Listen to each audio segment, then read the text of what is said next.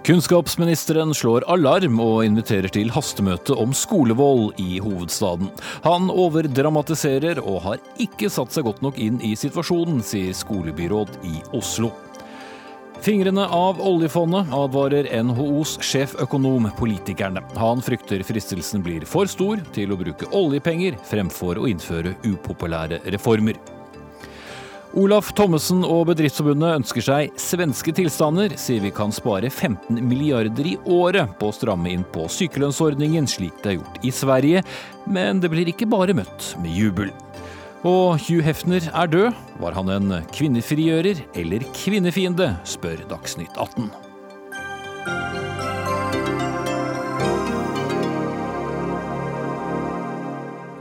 Velkommen til Dagsnytt 18 denne torsdagen, hvor vi også skal innom FNs sikkerhetsråd, der temaet er situasjonen til rohingyaene i Myanmar. Jeg heter Espen Aas.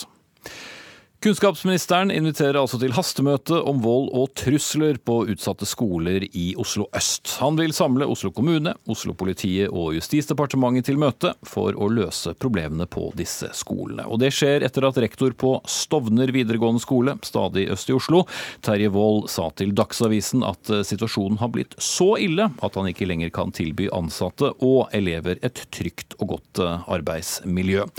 Og Henrik Asheim, velkommen i studio. Denne situasjonen kommer altså etter at en rektor har vært på forsiden av en avis med bekymringene sine. Var det overraskende for deg at det dukket opp en sånn sak? Det har jo vært flere saker også tidligere som har vist til at eh, miljøet på enkelte Oslo-skoler bl.a. har vært uh, veldig alvorlig, hvor det har vært f.eks. vold og trusler. Men da den saken kom, for å være helt ærlig, så gikk det et ekstra støkk i meg. Fordi han sier noe som er ganske oppsiktsvekkende, og det er at han ikke lenger tør å garantere for sikkerheten til sine egne elever og ansatte. Og jeg er helt sikker på at han, eller vet jeg, gjør veldig mye bra. Oslo kommune gjør veldig mye bra for å hjelpe på dette. Men det er jo en situasjon som er helt uholdbar når man ikke kan garantere for sikkerheten til de som jobber på eller går på norskskole. Men en statsråd som rykker til når han hører om at eh, det ikke går så bra i skolen, er det mm, iverhet i, i ny jobb, eller er det det en kunnskapsminister skal gjøre, nærmest uansett hvor eh, det måtte skje noe alvorlig eh, som i dette tilfellet? Og så Hadde det vært en sånn, dette er en enkel mobbesak som er en utfordring, så er jeg helt sikker på at kommunen hadde løst dette helt fint selv. Dette er heller ikke noe jeg gjør for å overstyre kommunen eller legge meg opp i hva byråden gjør. Jeg er sikker på at de gjør masse, og det gjør de også i budsjettet sitt nå. Men poenget er at jeg tror En feil vi gjør, det er to ting. Det ene er at vi setter oss i skyttergraven og begynner å skylde på hverandre. Det er noe som politikere til å gjøre. Og det andre er å begynne å tenke veldig sånn forvaltningsnivå. Dette er kommunens ansvar, vi skal ikke gjøre noen ting. Jeg må si at som kunnskapsminister, selv om det er Oslo kommune som har ansvaret for sin skole, så mener jeg at det er helt legitimt å invitere til et møte med kommunen, med politiet i Oslo, med Justisdepartementet og mitt eget departement, for å diskutere hvordan kan vi jobbe sammen, også på tvers av etater eller forvaltningsnivåer, for å løse disse problemene. Men to departementer inn i en eh, skolesak høres jo veldig alvorlig ut? da? Jeg mener at det er veldig alvorlig. Eh, både det at man ser at enkelte skoler i Oslo nå har adgangskontroll på en helt annen måte, eller som en rektor her sier altså, at de ikke kan garantere for sikkerheten til de som jobber og går på skolen hans. Og Da er det en situasjon som jeg tror vi kanskje er kjent med å se fra andre land, men som vi nå ser at også skjer i eh, norske skoler. Eh, veldig mye er bra på Stovner videregående skole, men dette må vi ta tak i. Som du sier, det er noen som har ansvaret her. Og Tone Tellevik Dahl, du er byråd for oppvekst og kunnskap, som det heter, i eh, Oslo. Er det farlig for elever og lærere å komme på den skolen?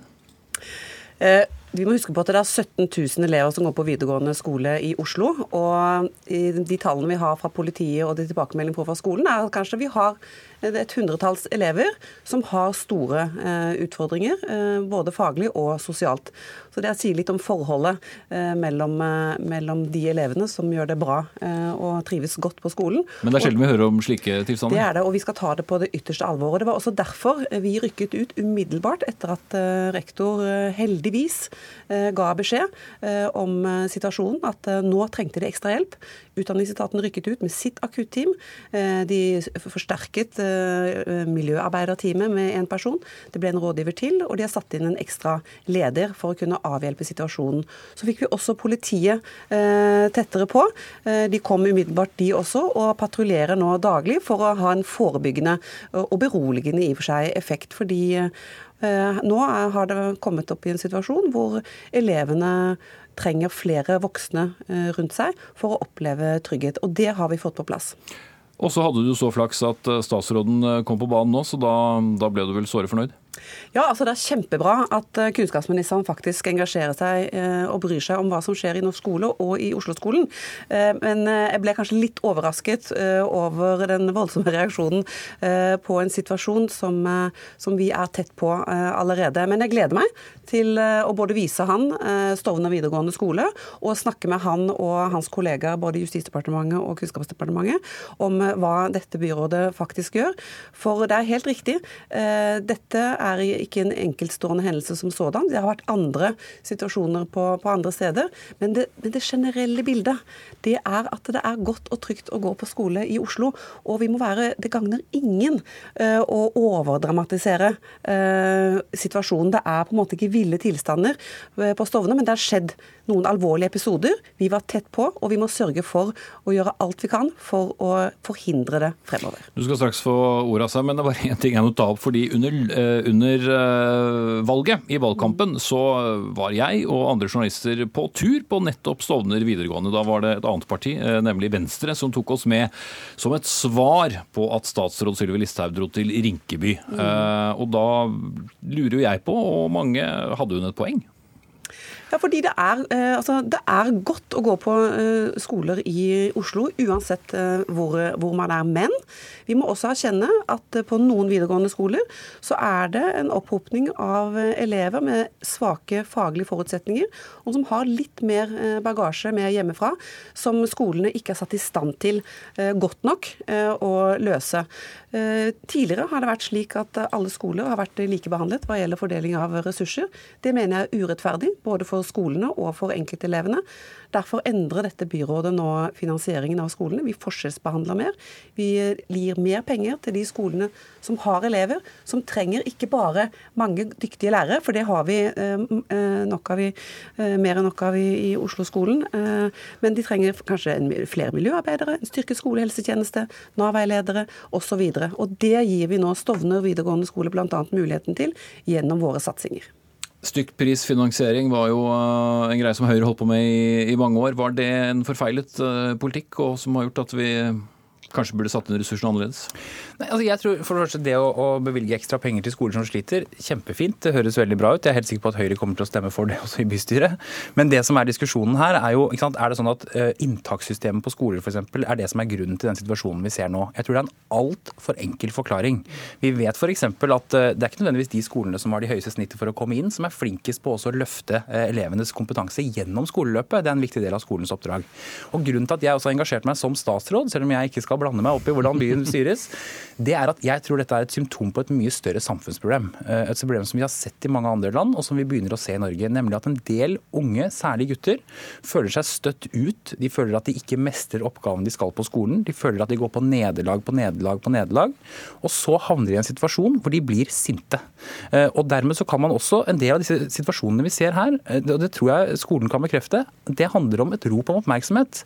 Og vi ser også at veldig mange av disse ikke får oppfølging hjemmefra. Så det er vanskelig for skolen å ta kontakt med foreldrene. Og Det er grunnen til at jeg ønsker at vi skal sette oss ned rundt samme bord. For jeg tror ikke det bare er budsjettet til Tone Tellevik Dahl som kommer til å løse dette. Jeg tror vi må se på hva det er det kommer av at så mange unge, særlig gutter, føler det på den måten nå. Eh, jeg snakket med flere elever den gangen jeg var der, for det er ofte lurt å snakke med de som er der også. Og de fortalte jo også uh, forskjellige historier. Blant annet fortalte de om uh, alle de flinke jentene som gikk videre til medisinstudier. Og så var det en del av gutta som ble hengende i gjenger og drev med helt andre ting som ikke gir så innmari mye studiekompetanse, for å si det sånn. Og da er jo spørsmålet igjen blir det en viss gruppering på noen skoler går eh, Har vi for eh, mye eh, eksempler på at det er postnummeret ditt som avgjør litt hva slags skole du havner på? Er, fordelingen forskjellig? Må vi tenke annerledes?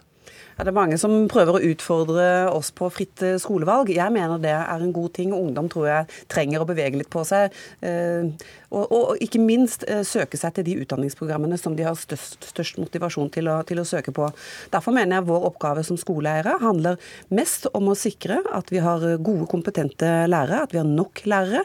Men ikke bare det. At vi har en god skolehelsetjeneste, at vi har miljøarbeidere på de skolene som, som trenger det. Men ikke minst, vi må jo begynne mye, mye før Ja, for Det hjelper jo ikke det hvis du har voldelige elever på skolen Nei, som gjør at lærerne ikke er trygge? Fordi en ting er at Vi har gode systemer for å handle akutt og i og for seg kanskje reparere, men vi er jo nødt til å starte med det som er det grunnleggende problemet. For det er store forskjeller i Oslo. Befolkningen er ganske mangfoldig. Det er stor forskjell på fattig og rik. Noen elever har, har hjem med fulle bokhyller. Andre vet kanskje ikke hvor de skal sove fra en natt til en, til en annen. Så det er store forskjeller. Så vi må inn tidlig. Vi må begynne allerede omtrent før de begynner i barnehagen. Sikre at de får barnehageplass. Nok voksne og kompetanse tidlig til å fange opp eventuelle utviklingstrekk som kan være uheldige. Og det har vi også satt i gang i Oslo. og Jeg er stolt over at eh, vi nå øker kapasiteten og kompetansen i barnehagene. Være tett på eh, barna så tidlig som mulig. Og at vi sammen med, med Stortinget har sørget for eh, mange flere lærere for de yngste elevene. For å sikre at de har noen grunnleggende ferdigheter så tidlig. For det er riktig som ministeren sier. Mange av disse, ja, noen, mange av dem er gutter, det må vi, må vi, må vi si.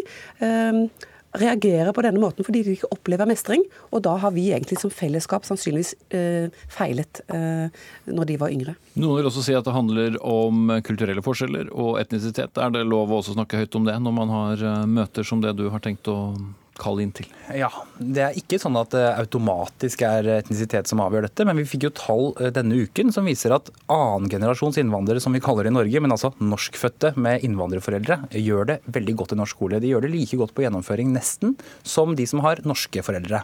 Men førstegenerasjons innvandrere, altså nyankomne, sliter på en helt annen måte. Og jeg tror vi har en, altså, en av de tingene som denne regjeringen er åpen for, det er å si at hvis du skal begynne på videregående, men man ser at du ikke har god nok kompetanse rett og slett til å klare det, så bør du få tilbud om å gå et år til. Eh, gjerne kan du gjøre det på den videregående skolen, men du kan løftes opp til det nivået du trenger for å fullføre og bestå. Det er en kjempeviktig del av det. Og integrering og hvordan vi sørger for å gi grunnleggende ferdigheter til de som kommer til Norge, er en veldig viktig del også av dette. Mm. Men det er ikke så enkelt å si at bare altså, få se passet ditt, så skal jeg finne ut om du eh, har problemer på skolen eller ikke. Langt ifra. Og Oslo-skolen er jo en skole som i mange år har vært veldig flink til å integrere også barn med minoritetsbakgrunn mm. eh, inn i skolen. Mm. Vi snakker jo ofte om uh, Oslo-skolen av forskjellige grunner, også fordi man har prøvd ut uh, ting i, i Oslo-skolen som kanskje også vil dukke opp andre steder uh, i landet. Mm. Men er også det som vi nå ser på Stovner, kanskje en litt sånn varsko om at vi må finne noen løsninger her raskt, fordi man kan oppleve lignende problemer ved andre skoler, akkurat som du sa mm. innledningsvis, altså, med at du har sett dette også i, i utlandet. Så her gjelder det å finne noen løsninger. Ja, Det er det jeg er veldig interessert i å få høre mer om. Både fra skolene, fra byrådet og fra politiet. Om vi nå er i en spiral som er i ferd med å bli verre og verre. Eh, for det kan vi ikke ha. Altså Alle som går på skole i Norge, skal være trygge. Alle som sender barna sine på skole, skal vite at det er trygt. Og alle som går på jobb hver dag i norsk skole, skal være trygge. Og Det er grunnen til at alarmklokken gikk hos meg. Det er at en rektor sier at det kan ikke jeg lenger garantere for på min skole. Da må vi sette oss ned og finne ut hva vi kan gjøre. Til slutt, eh, Tone Telvik-Dahl. Eh, hva har du tenkt å gå på møte med innabords? Jo, eh, jeg er glad for at han inviterer til dugnad. Vi er gode på dugnad i Norge, og også i Oslo. Tett samarbeid mellom ulike etater og politiet. Eh, og jeg er helt enig med ministeren i det han sier at integreringsarbeidet er viktig når vi tar imot de nyankomne. Så jeg håper at han tar imot invitasjonen og går tilbake til regjeringen og se om de kanskje kan gjenopprette eh, det kuttet de gjorde på Groruddalssatsingen, og også legge betydelige midler til handlingsprogrammet Oslo sør, som de lovet i valgkampen uten å tallfeste det. Ta også match eh, byrådets eh, avsetning til Groruddalssatsingen i Oslo sør eh, i statsbudsjettet. Da tror jeg vi kan få til mye sammen. Nå rykket det i munnviken på statsråden her, men han skal få eventuelt svare deg på, på veien ut av studio. Takk skal dere ha, fungerende kunnskapsminister Henrik Asheim og Tone Telvik Dahl fra byrådet i Oslo.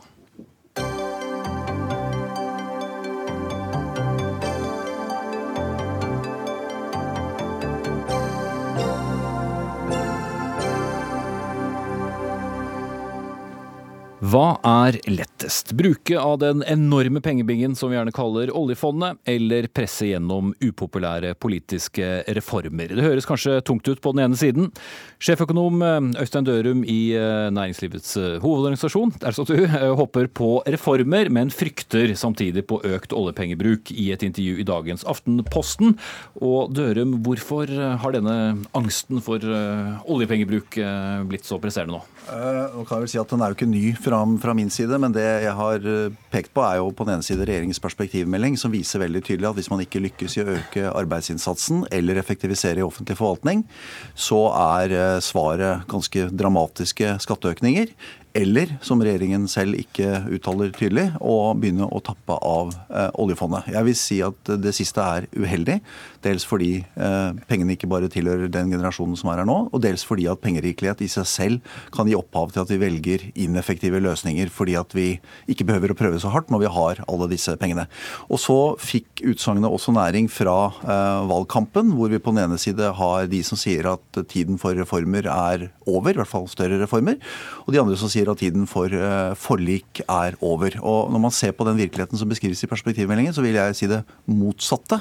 At man, man stanser ikke opp reformarbeidet når man skuer inn i den budsjettmessige virkelighet man står uh, overfor. Og det å gjennomføre reformer, det er en mulighet til å opprettholde og helst øke standarden i velferdsordningene. Man kaller gjerne dette for haikjeften når man tegner det opp, for da ser du plutselig at uh, utgiftene til uh, eh, bl.a. eldre overstiger da uh, inntektene, og så er spørsmålet hvordan man skal uh, snu dette. men du frykter jo da, som du sier, at politikerne ikke helt tør her? Jo, jeg, jeg, tenker det, det, er ikke sikkert at pilen skal peke på politikerne. For det, den spørsmålsstillingen som jeg stiller, litt retorisk, er jo hva vil velgerne gjøre? Vil de stemme på de partiene som sier at vi lykkes ikke med å øke yrkesdeltakingen? Vi lykkes ikke med å med å reformere offentlig sektor. Vi kan ikke øke skattene av hensyn til konkurransen. Og derfor, for å hegne om oljefondet, så vil vi ikke, ehm, så vil vi ikke bedre velferden. Eller på den annen side, de politikerne som sier at dette er meningsløst. Vi har 10 000 milliarder eh, kroner på, på bok 2025. Og vi snakker ikke om en uansvarlig hodesløs regel, men vi snakker om å begynne uttappingen av dette oljefondet, slik at vi slipper å gjøre de ubehagelige reformene. Og svaret på det er ikke, er ikke opplagt. Og jeg mener at svaret ligger i det første og ikke i det andre, men det er på ingen måte opplagt. Det tippes ved siden av. Jeg skal bare ta med et lite poeng til. og det er jo nettopp at Dette er jo ikke noe som kommer til å skje om veldig lenge, idet disse linjene krysses. Mm. Det er snart. Ja, og, og, og jeg syns kanskje det er noe underkommunisert. Og jeg tenkte også at i det oppslaget i Aftenposten så slapp kanskje regjeringspartiene litt uh, billig unna. For dette har tross alt vært en formidabel opptrapping av oljepengebruken de siste fire årene. Nå stanger man i taket. Uh, I gjennomsnitt siden årtusenskiftet så har man brukt 11 milliarder kroner mer i året. De siste fire årene har man brukt 20 milliarder kroner mer i året. Neste år skjematisk vil man ha 8 milliarder til rådighet. Deretter er det 2 til 3, og etter 2030 så må man begynne å gå motsatt vei. Da vil man ha mindre oljepenger til rådighet hvis man ikke lykkes i å få opp sysselsettingen eller jobbe smartere. Det kan bli anstrengt eh, stemning på budsjettforhandlinger av mindre. Eh, Jan Tore Sanner, kommunalminister, gjennomført en del reformer, som vi vet, og også eh, nestleder i Høyre. Tør dere? Svaret på det er ja. Og det er helt nødvendig. Regjeringen har jo nå gjennom denne fireårsperioden gjennomført en rekke reformer eh, innenfor politi, innenfor kunnskap, innenfor helse, regionreform, kommunereform. Vi har redusert antall fylkesmenn eh, fra 18 til 10. Eh, så vi gjennomfører en rekke reformer, og det er både fordi at vi skal levere bedre tjenester fremover, og vi må sørge for at vi får mer ut av de ressursene vi faktisk har. Vi stiller også et effektiviseringskrav til alle statlige etater. Hvert eneste år så må de bli 0,5% mer effektive. og Det gjør at vi flytter et par milliarder fra administrasjon og til, til tjenester. Gjennom å digitalisere offentlig sektor så kan vi også sørge for at vi både får bedre tjenester og at vi effektiviserer. Dette er helt nødvendig. For det er riktig som Øystein Dørum sier, at denne utfordringen er ikke veldig langt fremme. Vi vet at eh, mange kommuner sliter med å få tak i kompetent arbeidskraft, fordi at det blir stadig færre i yrkesaktiv alder for hver som har gått av med pensjon. Og Det gjør at, eh, at vi må tenke i et generasjonsperspektiv. Vi må gjennomføre disse reformene for faktisk å, å sikre gode velferdstjenester fremover. Men dere har brukt mange milliarder òg, som den samme Øystein Dørum nettopp sa? Ja, og det er helt riktig. Eh, og økonomene har jo vært samstemte, både nasjonale og internasjonale økonomer, at i en situasjon hvor oljeprisen faller fra 120 dollar fatet til 30-40, og vi mister 50 000 arbeidsplasser i oljerelatert industri, så var det nødvendig og riktig å bruke mer penger. Eh, jeg hadde vært bekymret hvis vi i den perioden hadde lent oss tilbake og ikke våget å gjennomføre reformer. Men når vi gjennomfører reformer samtidig som vi da kjørte motkonjunkturpolitikk i noen år hvor det var riktig og nødvendig, så mener jeg at, eh, at det, det, var riktig. Eh, men fremover så er det helt åpenbart at reformarbeidet må fortsette, nettopp fordi at vi både må bruke oljepengene med vett. Vi skal ha en bærekraftig utvikling, samtidig som vi vet at innbyggernes forventninger er bedre tjenester. Mm. Så det blir uh, strammere tid i hvert fall på neste budsjettkonferanse. Sigbjørn Gjelsvik, eh, dere i Senterpartiet, du er påtroppende stortingsrepresentant der, har jo vært et parti som eh, har drevet mye valgkamp på å si at nå er det nok reformer. Eh, blir du skremt av hva NO sier her om at dere gjør noe galt, og burde heller ivre for reformer og kanskje få ned den kostnaden det er med store, ineffektive kommuner osv.? For, første, for første, altså oljepengebruken og den kraftige økningen som har vært i oljepengebruk siste periode, er jo absolutt grunn til å være bekymra for. Og der er jo det den regjeringa som sitter, som, som bærer ansvar for det. En har vært en situasjon der eh, opposisjonen på Stortinget, de som har forsøkt å holde igjen, vi har hvert eneste år foreslått mindre oljepengebruk enn det som regjeringa har lagt opp til. Så i forhold til reformer så Spørsmålet er jo ikke hvorvidt du skal ha endringer eller ikke, men hva slags endringer du skal ha. Altså Det som regjeringa har gjennomført både når det gjelder kommunereform og politireform, har verken bidratt til å spare penger og heller ikke gitt bedre tjenester. Det har ikke kommet så langt, da? No, men altså, altså, Det er jo ikke noe dokumentert. La, la meg ta et eksempel. Min egen heimkommune som bor i Sørum, som skal altså slå sammen med tvang, sammen med Skedsmo og Fett blir en kommune på ca. 90 000 innbyggere. Det er ingen dokumentasjon på at en sånn type storkommune vil gi noen effektiviseringsgevinst. Kanskje snarere tvert imot. Det, eh, sånn at det er ikke noe grunnlag for å si at det vil kunne gi bedre tjenester eller mindre byråkrati. Men så er jo spørsmålet selvsagt skal en ha endringer, hva slags endringer bør en ha? Og Der har jo Senterpartiet pekt på flere ting. Vi bør f.eks. ha en tillitsreform innenfor offentlig sektor. Vi bør gå kritisk gjennom, det at en har en stadig oppbygging av statlig eh, byråkrati, statlig direktorat. F.eks. har vi foreslått å legge ned Politidirektoratet. for det som en trenger i en situasjon der en skal bruke pengene mer effektivt, ja, så bør en prioritere pengene på tjenester nær folk, på, de tjenestene som er ute, ikke oppbygging av f.eks. Politidirektoratet, som en har hatt en kraftig vekst i inneværende periode. Var det mange gode forslag å ta med seg til regjeringskonferanse? Jeg hørte ikke veldig mange gode forslag. altså Legge ned Politidirektoratet. Vi trenger PST, vi trenger Økokrim. Eh, vi trenger eh, også spisskompetanse i, i, Politidirektoratet. Eh, vi har startet arbeidet med å redusere veksten i antall byråkrater. I departementene har det gått ned, det er blitt færre ansatte i departementene.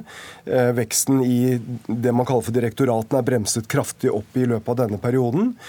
Og det er nå rom for å fortsette dette arbeidet. For du kan ikke starte på dag én og begynne å bare si opp folk. Du må gjennomføre reformer som gjør at du kan hente ut gevinster.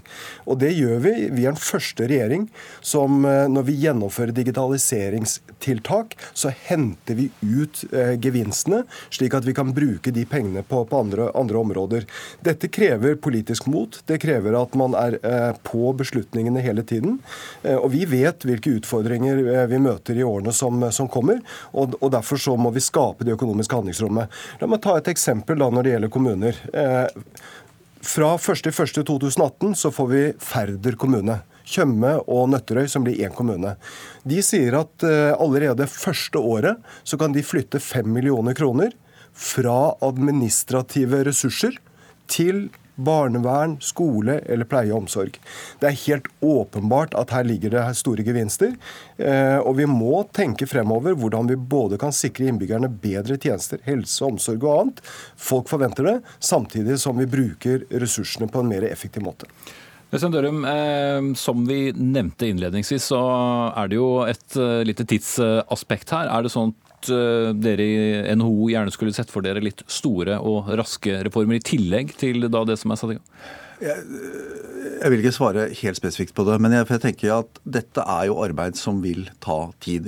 Hvor du, har, hvor, du trenger metoder for å gjøre, måle ting på en riktig måte. Hvor du må ha aksept der du går, går frem osv. Men, men, men la meg bare peke på at det er eh, fortsatt betydelig eh, effektiviseringspotensial hvis man ser på helsesektoren, hvis man ser på utdanningssektoren. Så bruker vi, sammenlignet med andre land, voldsomt mye penger på de områdene, uten at vi nødvendigvis kan si at, at vi har vesentlig bedre helsetilstand i Norge eller vesentlig bedre skoleresultater i Norge enn atskillig mindre eh, økonomisk ressurssterke sterke økonomier. Um, jeg har lyst til å si en ting til, også, siden vi var innom dette med, med, med tillitsreform. og det er jo at uh, et av de stedene hvor vi scorer altså, vi må si det først, vi er jo et land som er veldrevet i utgangspunktet. Det er lettere å effektivisere uh, offentlig byråkrati i Hellas og Italia. I hvert fall er det større oppside der enn det er, er, i Norge.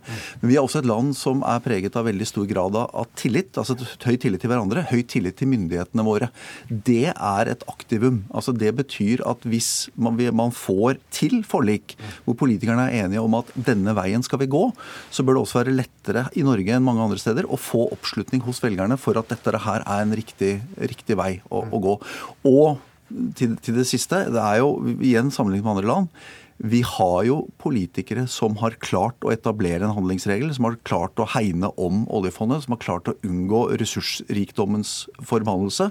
Så vi kan også ha tillit til at det er et ønske de også vil ha fremover. Men da kan man ikke lene seg tilbake og si at jobben er gjort. Det er, et, det er, et, veldig viktig poeng. Vi har grunn til å være stolt av måten vi har forvaltet oljepengene i Norge.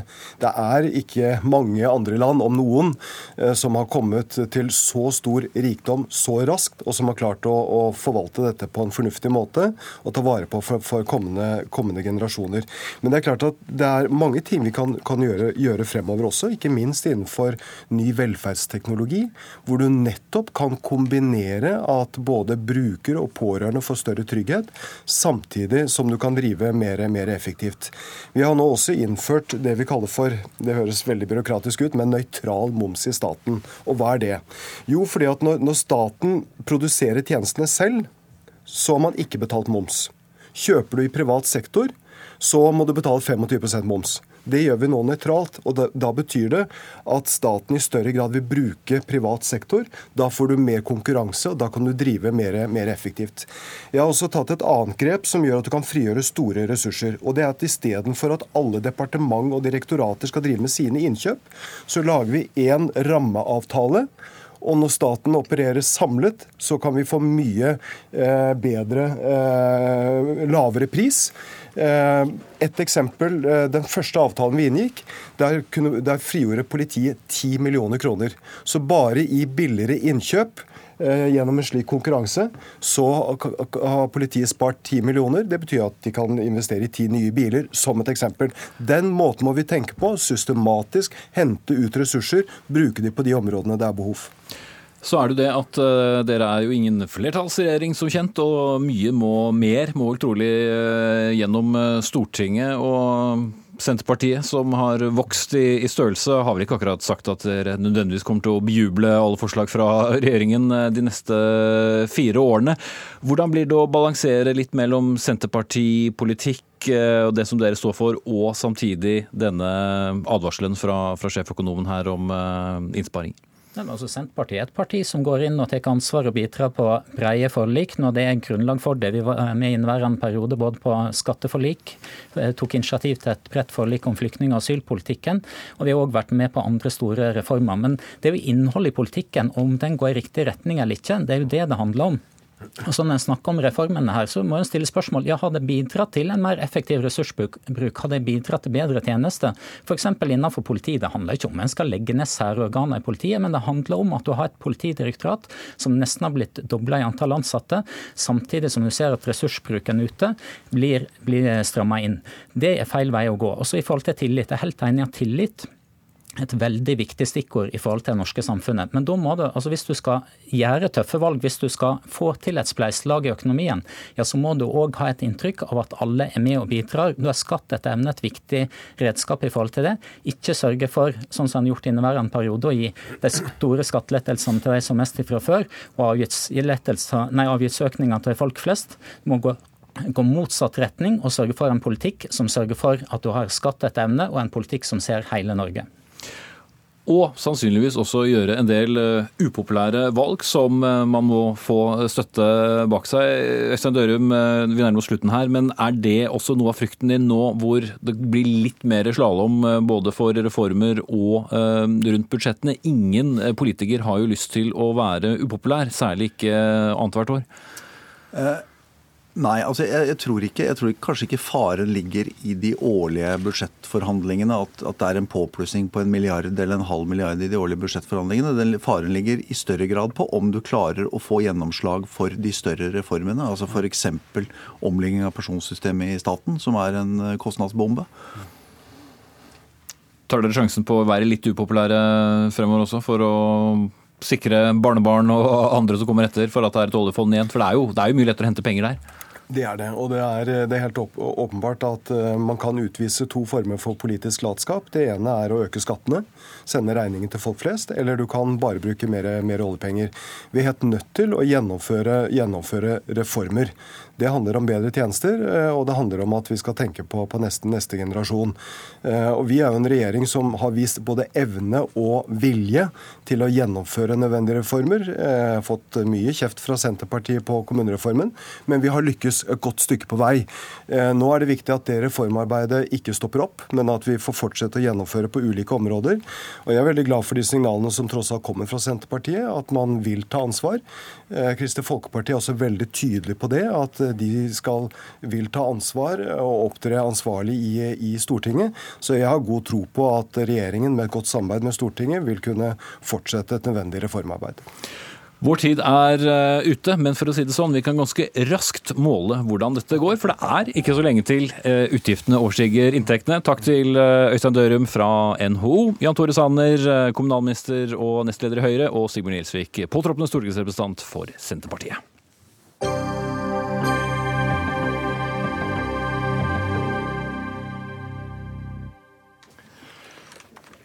FNs eh, sikkerhetsråd skal i dag holde sitt første åpne møte om situasjonen til rohingyaene. Ifølge FN har over en halv million rohingya-muslimer flyktet fra Myanmar, også kjent som Burma, til Bangladesh siden slutten av august.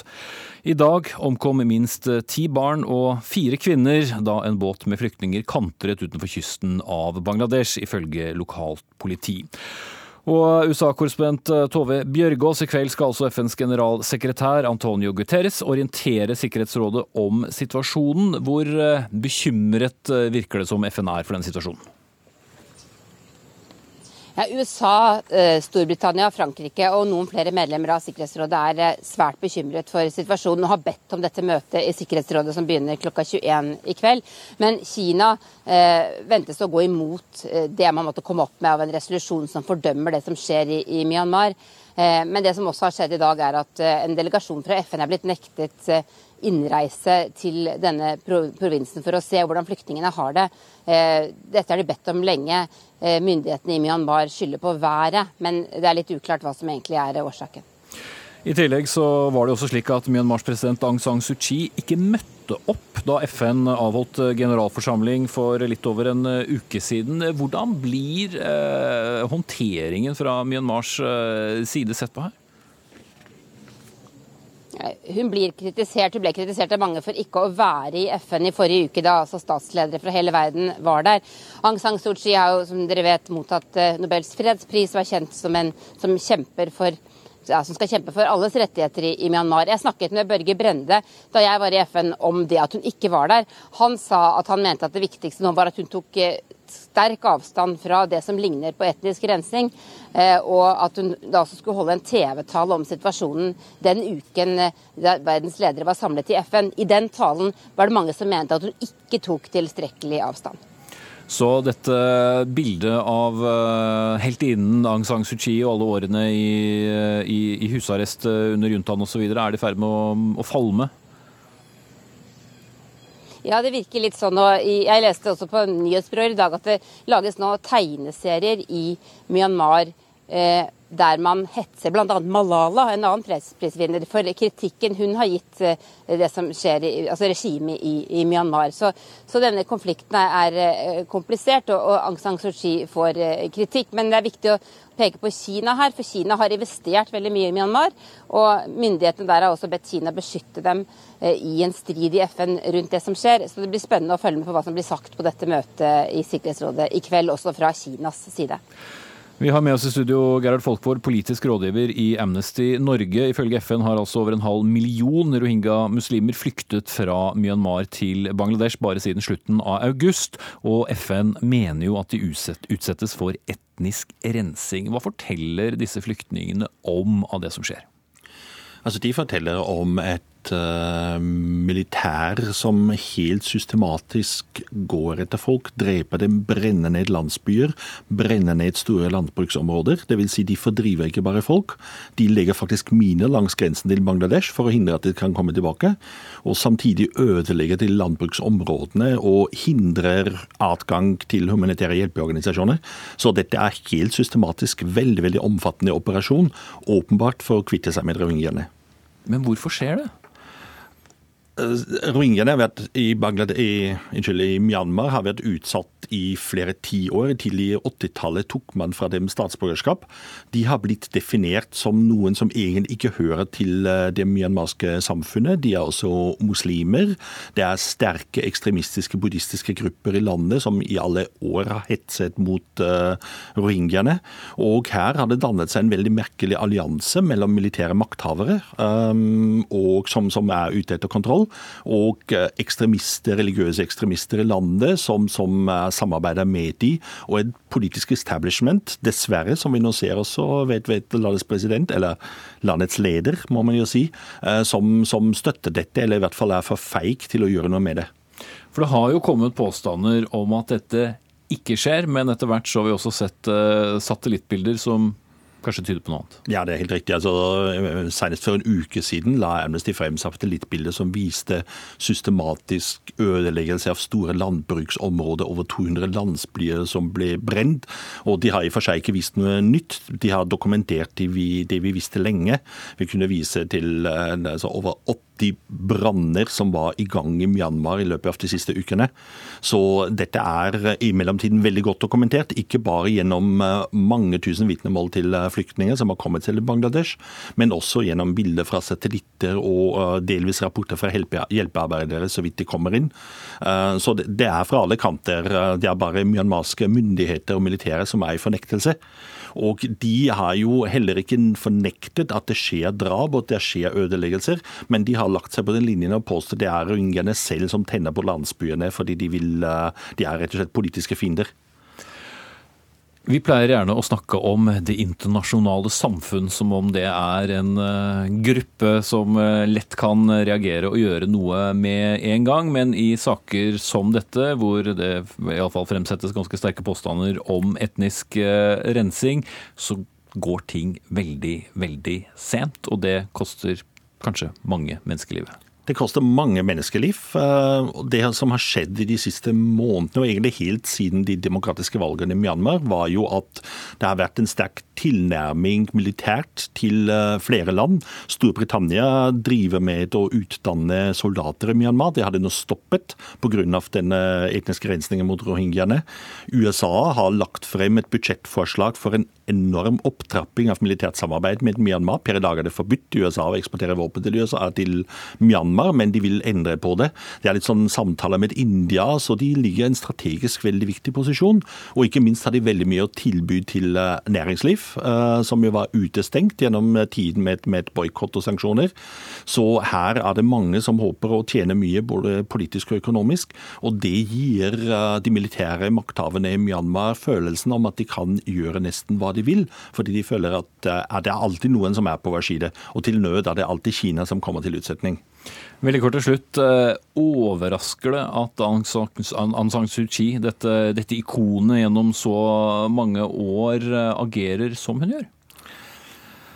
Det er i hvert fall veldig trist å se det, fordi det har jo vært store forhåpninger knyttet til henne. Nå er det jo sånn at Hun har ikke så veldig mye reell makt, den sitter fortsatt hos militæret. Mm. Men hun har veldig mye moralsk makt overfor befolkningen.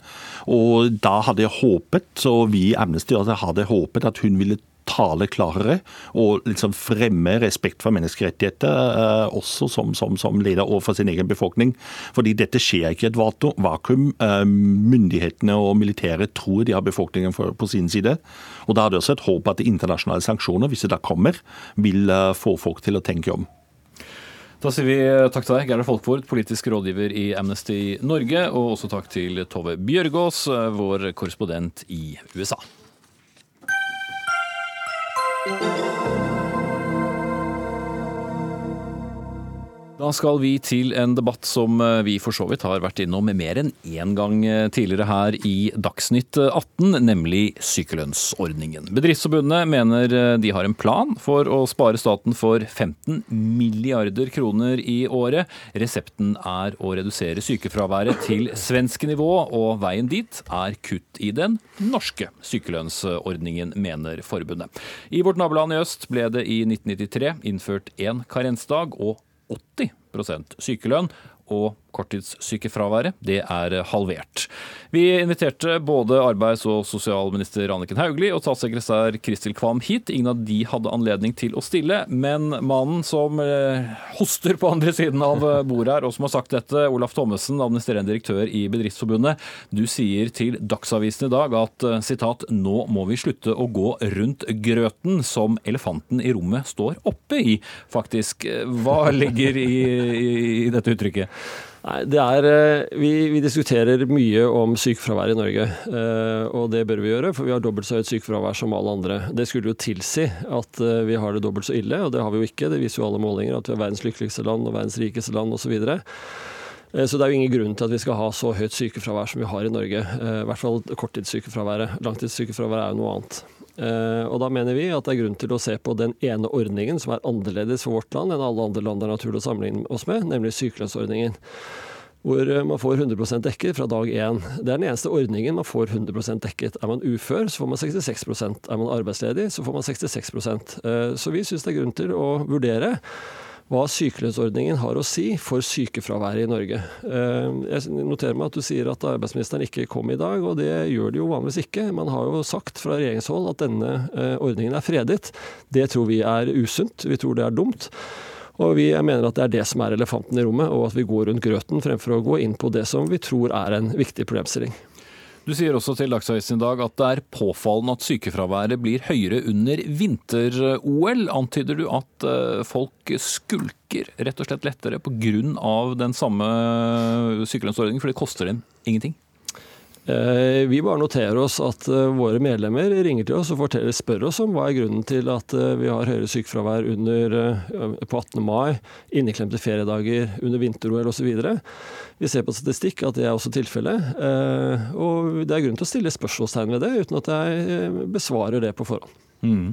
Vi sjekket da for ordens skyld eh, hos SSB sykefraværet for første kvartal 2013 til første kvartal 2014 gikk samlet sett ned med 6,7% og egenmeldingene ble redusert med 9% Inni der var det et uh, eh, OL, men uh, vi har jo selvfølgelig ikke målt uh, akkurat ukene. Neida, og, og, det finnes ulike statistikker på dette. Men på den annen side så får vi også meldinger fra våre medlemmer, og det er egentlig det vi er mest opptatt av Sykefraværet har en økonomisk side for landet, selvfølgelig, men ikke minst er det viktig for alle småbedriftene i landet, som er så, tross alt 90% av norsk næringsliv er under ni ansatte. Eh, vi representerer de småbedriftene. Eh, og For dem så er det selvfølgelig et problem med et korttidsfravær. Hvis man er fem ansatte eh, og det er eh, til enhver tid en eller to som er borte, så går det utover de resterende. De må jobbe mer, de må jobbe hardere. Vi får ikke levert det de skal levere. Inntekten går ned, og produktiviteten går ned. Slik at Én ting er det økonomiske, en annen ting er det rent praktiske, reelle problemet det er for norsk næringsliv, og små, vil Si norsk, norske småbedrifter, at man har så høyt korttidsfravær i Norge. Vi har eh, med oss eh, på linje Steinar Krokstad, som er nestleder i Fellesforbundet. Er det pga. Eh, konservativ tenkning fra LO og ditt eget forbund at politikerne ikke våger å kutte i sykelønnsordningen? For som Thommessen sier her, det snakkes ikke så mye om. Nei, Det dreier seg i alle fall ikke om konservativ tenkning. Dette dreier seg om hvilken type arbeidsliv vi skal ha, om vi skal ha tillit til arbeidstakerne. Og så er det ganske viktig det at hvis du innfører det der, så vil det ramme forferdelig uh, urettferdig. Vi vet hvilke grupper som, uh, som må betale dette her. Det er de gruppene som i utgangspunktet har kanskje det hardeste og tøffeste arbeidsmiljøet. Funksjonærene, lederne, de slipper nok unna denne gangen òg, som de gjorde før det ble full, full lønn. Så det dreier seg om flere, flere ting. Jeg vil også si det at Eh, vi, altså det høres jo ut som at korttidsfraværet er forferdelig høyt. Det er jo motsatt. Korttidsfraværet er veldig lavt. Det ligger mellom 1 til 1,5 og da, da, er det jo ikke sånn at du tømmer, tømmer bedriften eh, når folk er borte. folk er borte veldig få dager i løpet av et år. Det er langtidsfraværet, som jeg hører Thommessen gjerne ikke vil diskutere, som er det store problemet. Og det krever helt andre tiltak. Men i Sverige så er jo da stadig sykefraværet lavere enn i Norge, og ifølge Thommessen også i alle andre land. Er årsaken til det lavere sykefraværet helt løsrevet fra at de har eh, en annen sykelønnsordning? Nei, du vet, Dette er litt sånn eh, pølseteorien. Du, du, klemmer til en plass, og det tyter ut en, en annen plass. En må se på alle ulike, altså en må se på alle statistikker samla. Hvis du får redusert et fravær, så er det ofte at du får du kan få utstøting av arbeidslivet, og du kan få folk over på ulike trygdeordninger. Så eh, det eneste forskerne vel er enige om, som har skjedd på ulike statistikker ulike ordninger i forskjellige land, er at det går ikke an å sammenligne. For å ta et eksempel, Danmark har også et veldig lavt sykefravær. Eh, men de, de kvitter seg jo med dem som er syke. Og Det er jo det enkleste måten å få ned fraværet på. Hvis du kunne sagt, sagt opp dem som er syke, så har du fått ned fraværet. Men det ønsker vi jo heller ikke. Vi ønsker jo et inkluderende arbeidsliv hvor folk også som har ulike plager, skal være med og bidra til, til samfunnet. Da har det noen konsekvenser. Det at du kan ha en høyere sykelighet i arbeidslivet, men du får, eh, du får bedre tall på en del andre statistikker. Før jeg skal slippe til Thommessen, som jeg også spør, men Er du komfortabel med de sykelønnstallene som er, og sykefraværstallene som er i Norge? Ja, spør du meg? Ja. Eh, jeg mener at det er en målsetting hele tida å utvikle et bedre arbeidsmiljø og få ned fraværet og få si, bedre helse på arbeidstakerne. Og jeg vil bare, altså for, for, å si én ting til. Den viktigste, kanskje det viktigste tiltaket som da også forskerne peker på, bl.a. STAMI, for å få eh, et mer helsefremmende arbeidsliv, det er jo at arbeidstakerne får mer innflytelse, eh, rettferdig ledelse, gode arbeidskamerater. For det er jo det de svarer som bidrar til at de føler at arbeidslivet er helsefremmende. Så jeg kunne tenkt meg en debatt om hvordan skal vi få mer medvirkning og innflytelse til arbeidstakerne i arbeidslivet. Men det er jo en debatt som eh, både mange politikere og jeg vil si også arbeidsgiverorganisasjoner skygger unna. for det det vil jo også si at du må redusere bedriftene eller arbeidsgiver sin styringsrett. Da, Thommessen, kan du få svare. Ja, jeg vet ikke om jeg skal svare på det aller siste, jeg kan godt gjøre det også. Men for å ta et skritt tilbake i forhold til alt det som ble sagt. For det første så har jeg jo hørt før eh, det som ble sagt innledningsvis, at det vil ramme urettferdig og forskjellig fordi funksjonærer osv. ikke vil ha den samme ordningen. Det ligger ikke i vårt forslag. Eh, dette skal selvfølgelig gjelde alle. Eh, så det er en premiss og en forutsetning som Fellesforbundet legger, som ikke er reell, eh, som egentlig er bare funnet på for å, for å ha et argument. Eh, men det andre som er kanskje viktigst, og det tror jeg Fellesforbundet vil være enig i, det er at det viktigste nå er å få en eller annen ordning som gjør at arbeidsgiver og arbeidstaker får eh, insentiver begge to. Arbeidstaker må få insentiver til å prioritere jobben, også om det er de små pjusk eller om det er vinter-OL eller hva det måtte være. Men samtidig må arbeidsgiver få insentiver til å sørge for at arbeidstaker kommer så fort som mulig tilbake til arbeid. Sånn er det ikke i dag. Eh, I dag så er det sånn at staten betaler etter 16 dager. Altså har ikke arbeidsgiver nødvendigvis det samme insentivet til å få arbeidstakeren tilbake etter 16 dager. Vi kan gjerne gi på den ene siden at arbeidsgiver må ta et større ansvar i den perioden, og det er mange forskere som vil være enige oss i det. Men samtidig, i forhold til da, å dele ansvaret, så tror vi at også arbeidstakersiden må være med å dele ansvaret på korttidsfraværet. Eh, rett og slett fordi det er dobbelt så høyt som alle andre land. Og når eh, Fellesforbundet eh, sier 1,2% så er det helt andre tall enn det vi har. i hvert fall. Vi har 6,4 som er sykefravær i Norge, i motsetning til 3,2% i Sverige. Altså omtrent nøyaktig dobbelt så høyt. Eh, og, og, og, liksom La oss i hvert fall være enige om at det er mulig å diskutere problemstillinger. La oss være enige om at det fins én faktor som er annerledes i Norge enn alle andre land, og det er sykelønnen. Og det fins et resultat eh, som er udiskutabelt. Det er at vi har dobbelt så høyt sykefravær som alle andre. Vi må, som jeg har sagt også mange ganger før, sette strek der. Men eh, sykelønnsordningen kommer vi helt sikkert tilbake til. Takk til eh, Olaf Thommessen i eh, Bedriftsforbundet og Steinar Krokstad i Fellesforbundet.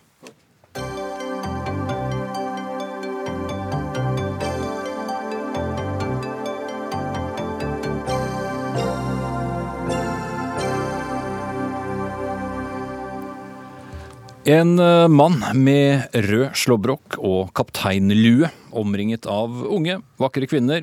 Kanskje er det slik mange vil huske ham, grunnleggeren av mannebladet Playboy, Hugh Hefner, som er død 91 år gammel. Men hvem var han egentlig? Det kommer litt an på hvem man spør. Var han kvinnefrigjører, borgerrettighetsforkjemper eller en kåt mannssjåvinist og polygamist? Linda Johansen, tidligere modell eh, for Playboy. Du har møtt Hefner ved et par anledninger, om enn for noen tiår siden. Eh, hvordan vil du beskrive ham? Ja, da jeg møtte Hefner, så vil jeg si at han var en usedvanlig hyggelig mann. Og veldig lite damefokusert da jeg snakket med han. Han var mer interessert i å snakke om Norge, hvor fantastisk land det var. Nå skal det sies da at uh, det her var jo da på hans Playboy Mansion. Jeg var uh, 22 år gammel og syntes at det her var helt fantastisk. Trodde ikke at jeg skulle bli snakket med, men han hadde en utrolig evne til å få alle til å føle seg sett.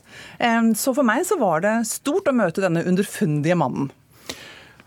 Det kommer alle slags eh, mulige hyllester, og det som kanskje er det motsatte eh, i dag. Eh, hvordan leser du reaksjonene? Ja, det er jo, som du sa i sted også, at er han en mannssjåvinist, eller har han frigjort kvinnen? Og jeg ser det jo litt slik at eh, Hvis vi går tilbake til 50-tallet, da han startet det første Playboy, med Marilyn Monroe på forsiden, så vil jo jeg si det at det egentlig var en del av en frigjøring. Den gangen så var kvinnen tilkneppet hjemme i huset og sto på kjøkkenet og lagde mat. Var så vidt, så vidt utenfor huset. Og så plutselig så kan man da eh, få en slags karriere eller få gjøre noe stort og være the American girl next door og komme i Playboy. Mange av disse kvinnene fikk fantastiske karrierer, og Playboy har gjort noe som var veldig bra den gangen. Det var flotte bilder, og det var fint. Um, og jeg syns det er viktig at vi skal se tilbake og huske litt hvordan det var da, og ikke bare på å fokusere på hvordan det er i dag. Eh, apropos Playboy, Wenche Steen, grunnlegger av Playboy i Skandinavia. Eh, hvordan vil du karakterisere bladets profil? Kvinnefrigjørende magasin? Absolutt. Eh, for det det handler om, er jo at vi som kvinner har lov til å ta våre egne valg. Vi har lov til å stille opp nakne fordi vi syns Eller vi kan være ekshibisjonister. Vi liker å se fine bilder av oss selv. Og du, du, ser jo på den type profiler som har vært playmates. Det er jo supermodeller som Kate Moss eller uh, Elle McPherson, uh, Cindy Crawford. Alle disse jentene er, har fått en kjempekarriere og har uh, gjort dette her kun av egen interesse. Med litt sexifisering av kvinnekroppen òg? Ja, hva er feil med det? Jeg liker å være sexy, jeg. Vi skal eh, bringe inn eh, vår tredje kvinne i studio, Katrine Linn Kristiansen, talsperson for Feministisk eh, initiativ. Visste du at Hugh Hefner var med på å frigjøre deg og andre kvinner? Nei, det var jeg ikke klar over. Men jeg er nok ikke enig i den vurderingen av arbeidet hans heller. Altså, vi mener jo selvfølgelig at porno er skadelig, og at eh, porno skaper et bilde av kvinner som ikke er realistisk, og som er, eh, hva skal jeg si, utøver negativt kroppspress, for å si det sånn. Men også at han var på en måte en eller annen revolusjonær pioner innen seksuell frigjøring, er jo bare tull. Han er jo en av mange menn som har tjent veldig mye penger på å kommersialisere kvinners kropper. Altså Det betyr at han tjener penger på kvinners arbeid og utseende, da. Men er det porno å vise frem uh, vakre kvinner under tøy? Altså, det har jo på en måte, det er ikke akkurat vanntette skott mellom uh, Playboy og pornoindustrien for øvrig. Altså, han har jo tjent veldig mye penger fordi han har andre investeringer i mye grovere porno enn det som Playboy er, da, som er hovedsakelig bilder. Ja. Men uh, det er tre kvinner i studio med i hvert fall to forskjellige oppfatninger av hva han drev med. Lida? Ja, jeg har jo lyst til å, å nevne at jeg, siden jeg da selv har vært eh, Playboy-modell og vært i den industrien, eller for å si ikke i pornoindustrien, men da den mykere industrien, eh, så blir veldig ofte kvinner skulle bli gjort til ofre. Og som Wenche sa i sted, at man tar valg. Veldig mange har brukt det som en brekkstang innenfor karrieren. Og jeg vil si for meg selv også, så er det jo ja, jeg tok et valg, og så kastet jeg BH-en en gang i tiden, og så ble det masse fine bilder ut av det. Eh, I ettertid så har jeg gjort helt andre ting. Eh, bygget opp et eget hudpleiebrand og vært en gründerjente som har gjort ting helt aleine. Og heller brukt da den muligheten jeg fikk den gangen, til min fordel. Så Det handler jo veldig mye om hvordan man tar situasjonen, og hvilken person det er, og hvem det gjelder.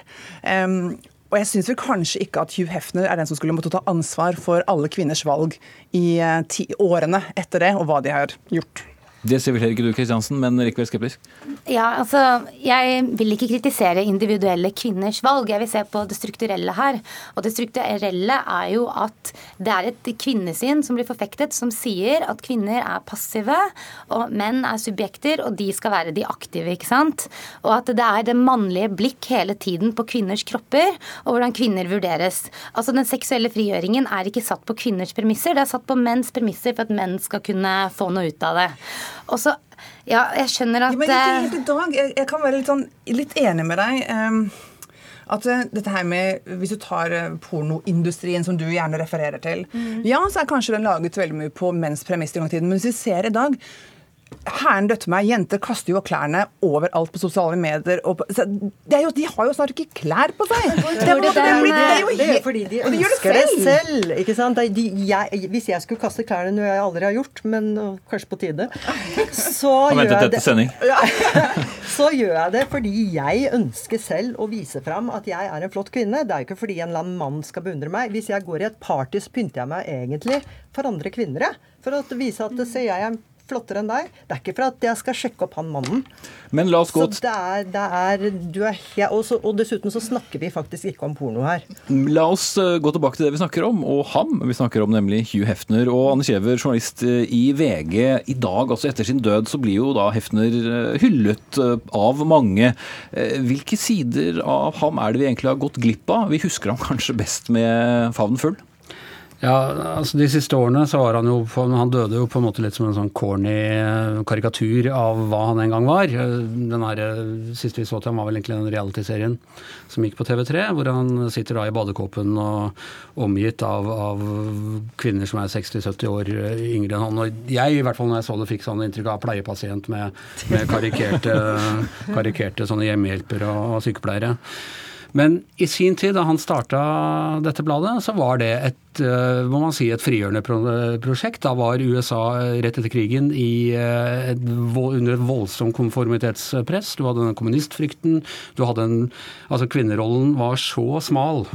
Uh, og, og, mannsrollen var så smal. Så lagde han denne fantasiverdenen, var litt sånn erotikkens Walt Disney. At, uh, hvor han lagde et bilde av seg sjæl. Eh, som en sånn homoludens, det lekende menneske, evig ungkar eh, og sånne ting. Startet dette bladet, åpnet det for spennende skribenter og forfattere, og bilder av nakne damer.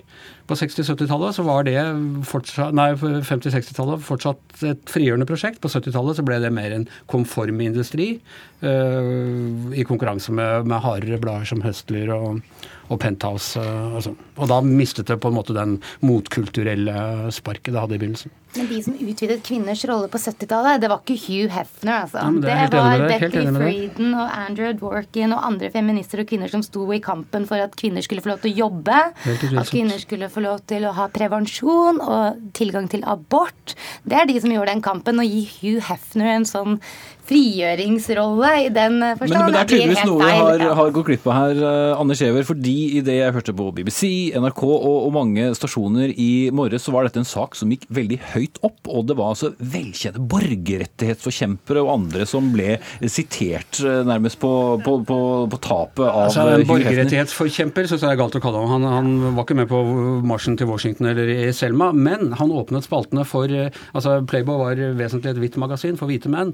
Han tok inn Alex Haley, han som senere skrev 'Røtter', eh, eh, og, og, som lagde lange, veldig dyptpløyende intervjuer med Malcolm X, med Martin Luther King, med Miles Davis, på tider hvor disse gutta ikke ble intervjuet av hvite medier eh, i det hele tatt. Så han var en sammensatt figur, og, og vi som på en måte elsker og hater Amerika, er jo opptatt av alle disse her sammensatte figurene. ikke sant? At øh, den der dualiteten som ligger i den voldsomme kommersialismen, også blandet med en type idealisme og, uh, og en idé. og Sånn sett så syns jeg han var en typisk amerikaner. Han var en typisk mann, for han ville henge med andre menn, uavhengig av hudfarge de har, og gi dem plass hører... å skrive fine ting i bladene vi, sine. vi, vi hører kanskje vignetten i bakgrunnen her, mine damer og herre. Dagsnytt 18 er over. Ansvarlig for sendingen Dag Dørum. Det tekniske ansvaret hadde Finn Lie. Jeg heter Espen Aas, og vi får heller prate litt etter vignetten.